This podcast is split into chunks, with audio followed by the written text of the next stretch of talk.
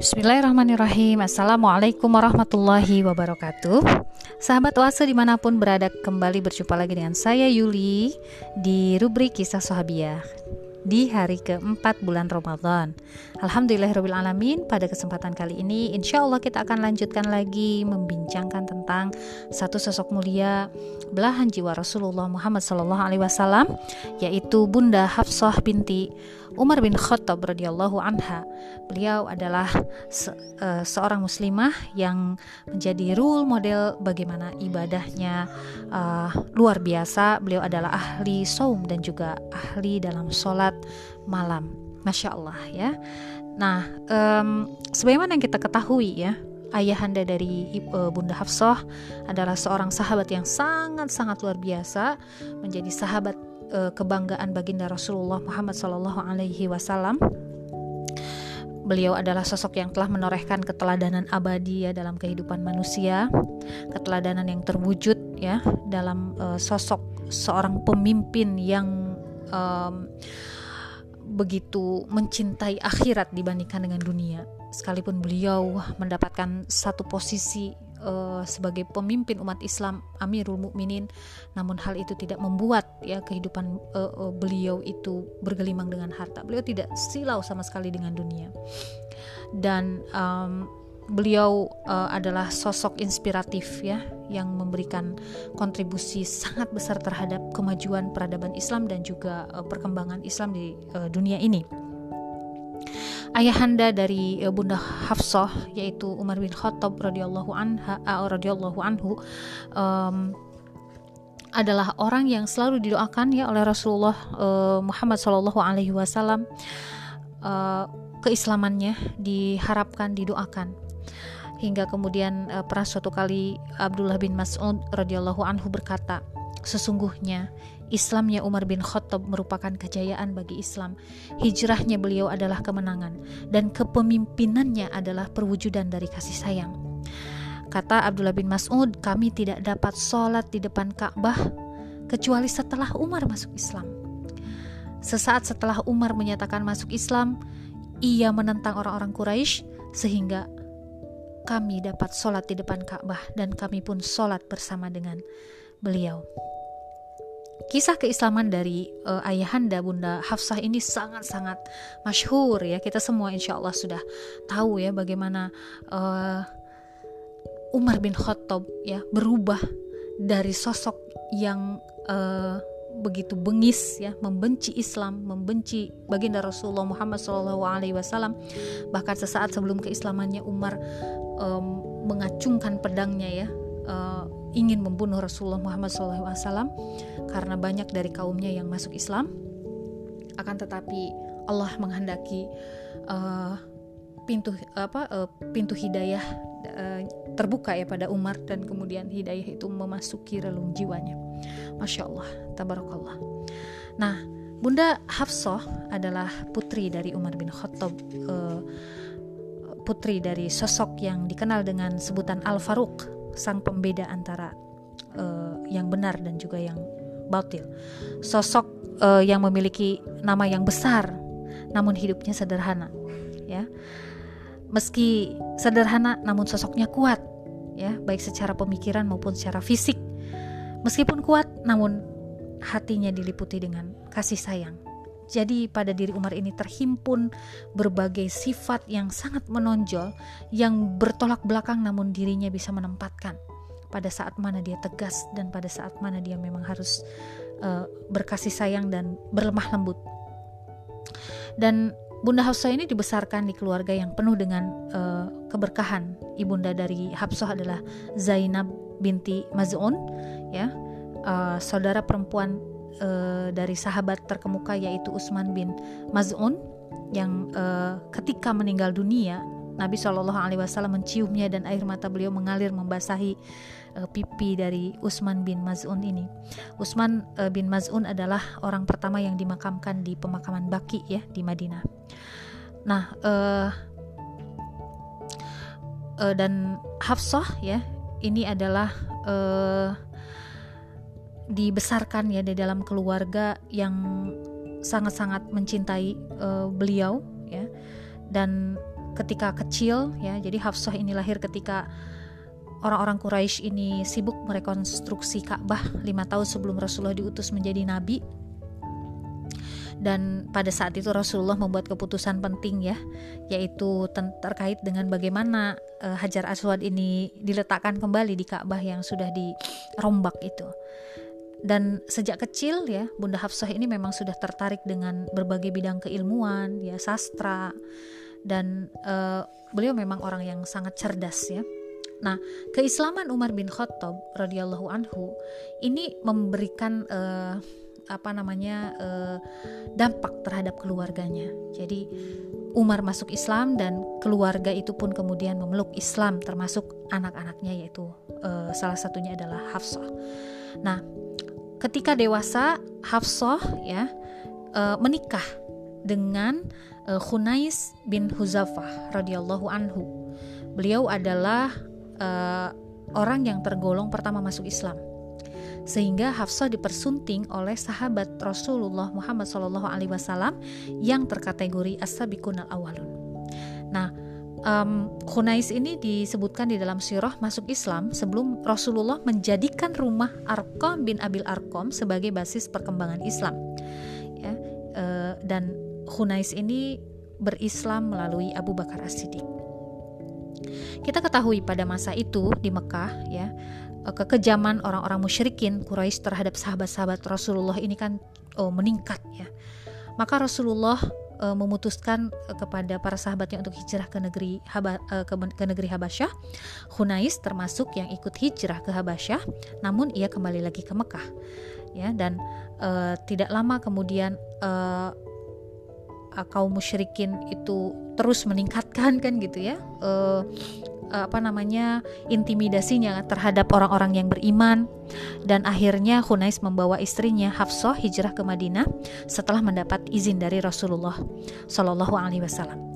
Di tempat baru inilah pasangan suami istri ini ya Hunais dengan Hafsah hidup uh, uh, bahagia ya dan uh, hidup berdampingan dengan kaum Ansor dan kebahagiaan mereka bertambah lagi ketika kemudian seluruh kaum muslimin berhijrah dan Rasulullah Shallallahu Alaihi Wasallam juga tiba di Madinah uh, karena kedatangan Rasulullah begitu dinantikan ya oleh uh, penduduk uh, Madinah yang saat itu berbondong-bondong masuk Islam dan menyerahkan ya uh, tempat tinggal mereka untuk kemudian di sanalah ya berdiri uh, tonggak pertama uh, negara Islam yang dipimpin oleh baginda Rasulullah Muhammad Shallallahu Alaihi Wasallam. Nah, ketika perang uh, Badar uh, terjadi, di sini banyak kaum muslimin yang juga gugur ya dalam uh, medan pertempuran termasuk di dalamnya suami dari uh, Hafsah uh, binti Umar yaitu Hunais.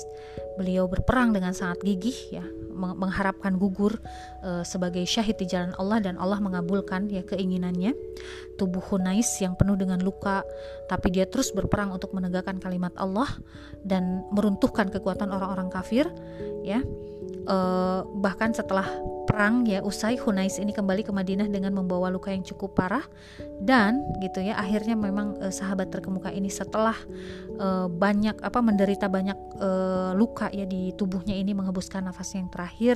Dan kemudian Rasulullah sendiri yang menguburkan jasadnya di Baki berdampingan dengan kuburan Utsman bin Maz'un radhiyallahu anhu ya. Um, nah bagi Hafsah tentu ini perpisahan yang sangat menyedihkan ya uh, beliau menjadi dan uh, menjadi seorang janda dalam usianya yang relatif masih muda begitu ya uh, dan uh, apa namanya hatinya sangat sedih sekali begitu ya dengan kepergian suaminya yaitu Hunais. Nah akan tetapi kemudian e, rasa sedihnya ini terobati. Manakala Rasulullah SAW ya menjadikannya sebagai bagian dari kehidupannya. Memperistri mempersunting Hafsah dan akhirnya Hafsah menjadi umul mukminin.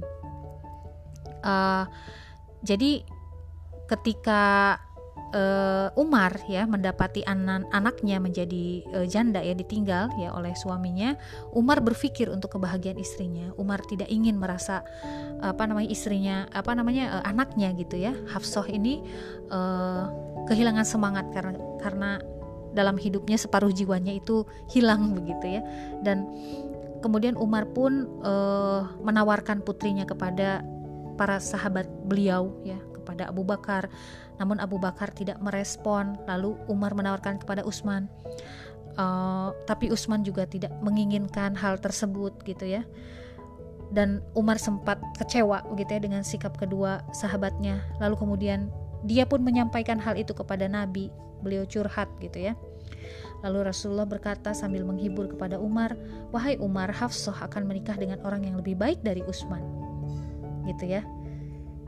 Uh, tidak lama kemudian Rasulullah meminang Hafsah sehingga Umar pun kemudian uh, bahagia ya dan menikahkan putrinya dengan sukacita dengan Rasulullah SAW karena dengan demikian maka Rasulullah ini akan menjadi mantunya kan gitu ya. Nah uh, setelah pernikahannya dengan Hafsah ya lalu kemudian uh, Hafsah pun uh, menjadi istri Rasulullah ya dengan mahar uh, sebesar 400 dirham di dalam sirah disebutkan seperti itu dan ini terjadi pada tahun ketiga hijriah uh, tepatnya sebelum terjadi perang Uhud ya sehingga Hafsah uh, menempati posisi istri yang ketiga ya setelah baginda Rasulullah Muhammad SAW memperistri uh, Saudah lalu kemudian Aisyah dan berikutnya Hafsah. Nah, kemuliaan Hafsah dalam sirah itu banyak sekali ya. Jadi Hafsah ini memiliki kedudukan yang sangat tinggi di hati Nabi, ya bahkan termasuk salah seorang istri beliau yang istimewa di antara istri-istri yang lainnya. Ini berdasarkan sebuah riwayat ya Aisyah radhiyallahu anha pernah mengakui hal ini. Beliau berkata Hafsah adalah termasuk salah seorang istri Nabi yang nyaris setara denganku. Jadi spesial. Kan Aisyah karena kegadisannya ya spesial, karena keluhuran ilmunya spesial. Nah, demikian halnya dengan Hafsah begitu. Namun uh, keduanya juga uh, tidak luput ya dari perasaan perasaan-perasaan manusiawi gitu. Ada kecemburuan di antara mereka berdua, persaingan dan lain sebagainya. Ya. Uh, sebagai contoh apa yang pernah disampaikan begitu ya di dalam sebuah hadis bagaimana uh, perselisihan yang terjadi antara Hafsah dengan dengan uh, Aisyah ini di diabadikan di dalam hadis gitu ya.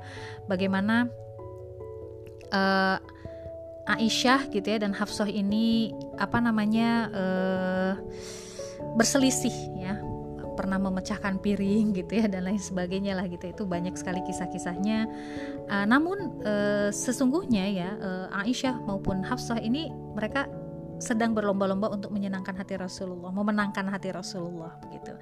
Ya, dan Rasulullah sangat memaklumi kondisi seperti ini. Rasulullah uh, hanya bersikap uh, menenangkan saja, bersabar gitu ya dengan sikap istri-istri beliau. Nah, um, Hafsah ya, Bunda Hafsah ini dikenal memiliki kapasitas keilmuan, pemahaman dan ketakwaan yang sangat luas. Nah, dengan sifat-sifat ini wajar ya jika Hafsah menempati kedudukan yang uh, cukup istimewa di sisi Rasulullah Shallallahu alaihi wasallam. Dan kedudukan ini uh, terus berlanjut ya sampai masa pemerintahan Khulafaur Rasyidin uh, bahkan ketika ayahnya diangkat menjadi khalifah gitu ya. Karena uh, Hafsah ini menjadi rujukan ya bagi Umar begitu ya untuk bertanya tentang berbagai hukum agama. Um, apa namanya dalam hadis juga kita banyak menemukan ya hadis yang diriwayatkan dari Hafsah ini.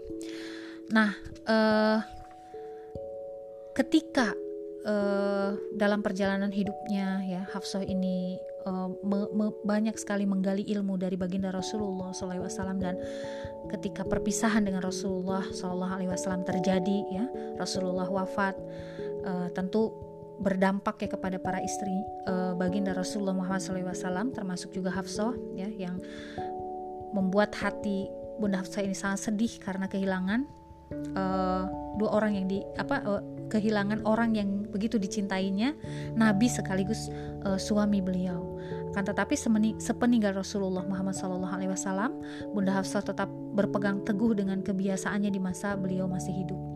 Beliau tetap menjadi ahli ibadah, ya sehingga semua orang mengakui keistimewaannya dalam hal sholat dan juga ibadah-ibadah yang lainnya. Dan dalam perjalanannya setelah ya wafat suami tercinta yang sekaligus juga uh, seorang rasul begitu ya, Hafsah ini tetap ya menjaga uh, apa namanya uh, menjaga dirinya menjaga kualitas dirinya. Bagaimana ketika tadi ya Umar menjadi khalifah, beliau uh, apa namanya tetap uh, hidup dalam kezuhudan, kesederhanaan gitu ya. Bahkan hasrat hidup yang paling besar yang ada di dalam dirinya adalah terus mendekatkan diri kepada Allah Azza wa dengan banyak melakukan saum dan juga salat, ma malam dan ini sangat dikenal di kalangan para sahabat. Begitu. Hafsah sangat sadar bahwa kedudukan ayahnya sebagai khalifah tidak ada artinya sedikit pun untuk dirinya gitu bahkan beliau selalu mendoakan ayahandanya agar dikuatkan gitu ya menjalankan amanah e, sebagai khalifah dan ketika e, ayahandanya dibunuh ya momentum ketika Umar bin Khattab ini dibunuh nah Hafsah ini e, cukup terguncang ya bagaimanapun ya ayahanda juga adalah sosok yang sangat dicintai ya dicintainya tapi ternyata ada orang yang kemudian uh, apa orang yang menyusup ya pura-pura masuk Islam tapi kemudian dia itu sesungguhnya adalah orang yang tetap berada dalam kekafirannya dan tega yang membunuh membunuh ayahanda uh, ayahandanya. Nah, uh, setelah ayahandanya meninggal dunia ya di masa Utsman bin Affan kekhilafahan uh, kekhalifahan Utsman bin Affan uh, Hafsah mendapatkan sebuah kehormatan untuk mengemban amanah Al-Qur'an Sebagaimana yang kita ketahui pada masa Abu Bakar sudah dicetuskan ya ide untuk membukukan Al-Qur'an. Hal itu didasari pada satu uh, alasan. Kenapa? Karena banyak kaum muslimin yang gugur di medan jihad yang notabene mereka adalah para hafiz Quran, ya. Uh, saat itu sahabat-sahabat besar, sahabat-sahabat yang paling dekat dengan Rasulullah Muhammad SAW itu merasa takut ya Al-Quran ini semakin dilupakan ya. Sekalipun mereka yakin bahwa karena Allah yang menjamin Al-Quran ini pasti akan dijaga oleh Allah akan tetapi mereka ingin ingin sekali membukukan Al-Quran. Di masa Abu Bakar ide, ide ini sudah dicetuskan oleh ayahanda Bunda Hafsah. Akan tetapi baru terrealisir di masa kekhalifahan Utsman bin Affan dan pada saat itu Utsman bin Affan um, menyerukan kepada uh, di masa uh, Abu Bakar itu uh, mushaf-mushaf itu sudah dikumpulkan di rumah Bunda Hafsah. Nah, ya jadi uh, pengumpulan proses pengumpulan lembaran-lembaran ayat-ayat Allah yang diturunkan lembaran-lembaran wahyu itu sudah dikumpulkan dan Abu Bakar meminta pengumpulan itu dilakukan di rumah Bunda Hafsah. Jadi Bunda Hafsah ini mendapatkan kehormatan untuk di rumahnya itu disimpan lembaran demi lembaran uh, mushaf ya untuk berikutnya pada masa Utsman lah ya eksekusinya terjadi. Jadi Utsman meminta secara um, khusus kepada Bunda Hafsah untuk meminjam lembaran-lembaran itu ditulis ulang oleh beberapa orang sahabat uh, dan kemudian uh, akhirnya dibukukanlah Al-Qur'an ya di uh, di apa namanya di verifikasinya itu uh, kepada apa namanya uh, dialeknya Quraisy begitu ya. Karena pada saat itu banyak sekali versi bacaan Al-Qur'an ya. Hanya saja di, di, di standarisasi begitu ya oleh Utsman. Dan setelah ditulis ulang, diverifikasi, disamakan gitu ya, disamakan uh, khotnya, uh, cara bacanya dan seterusnya oleh Usman. Lalu Usman kemudian uh, mengirimkan ke berbagai negeri ya inilah bacaan Al-Qur'an yang memang sudah di uh, apa namanya distandarisasi begitu ya, distandarisasi. Nah, lalu kemudian dikembalikan lagi lah lembaran-lembaran itu kepada Bunda Hafsah Nah, jadi luar biasa ya perannya terhadap keberadaan Al-Qur'an yang saat ini kita baca di bulan Ramadan gitu ya sehari-hari itu ada peranan Bunda Hafsah di sana ya. Nah, uh, pada tahun ke-41 Hijriah. Nah, ini Bunda Hafsah uh, meninggal dunia ya. Dan uh, Bunda Hafsah dimakamkan di pemakaman di pemakaman Baki. Kalau sahabat Oase ada yang pernah ya main ke uh, apa namanya ziarah ya ke pemakaman Baki kalau saat uh, apa namanya melaksanakan ibadah umroh atau haji ya kita mengunjungi uh, Madinah ya. Di situ ada pemakaman yang sangat luas ya. Nah di situlah uh, Bunda Hafsah juga dimakamkan. Akan tetapi kalau kita yang uh, perempuan nggak bisa masuk ya yang bisa masuk ke pemakaman Baki itu hanya uh, dari kaum laki-laki. Nah di sana Bunda Aisyah uh, maaf Bunda Hafsah dimakamkan ya uh, semoga kita bisa mencontoh ya uh, keistimewaan yang dimiliki oleh Bunda Hafsah keistiqomahannya dalam melaksanakan ibadah ya kepada Allah uh, kontribusinya dalam uh, apa namanya dalam kemajuan Islam ya. Dengan seperti itulah insya Allah akan mengalir ya pahala uh, untuk kita ya menjadi bekal kita bisa bertemu dengan Allah Rabbul Izzati dalam keadaan berseri-seri. Itu saja untuk uh, hari keempat uh, kisah sahabiah di bulan Ramadan ini. Uh, sampai jumpa insya Allah di hari kelima besok hari. Terima kasih. Wassalamualaikum warahmatullahi wabarakatuh.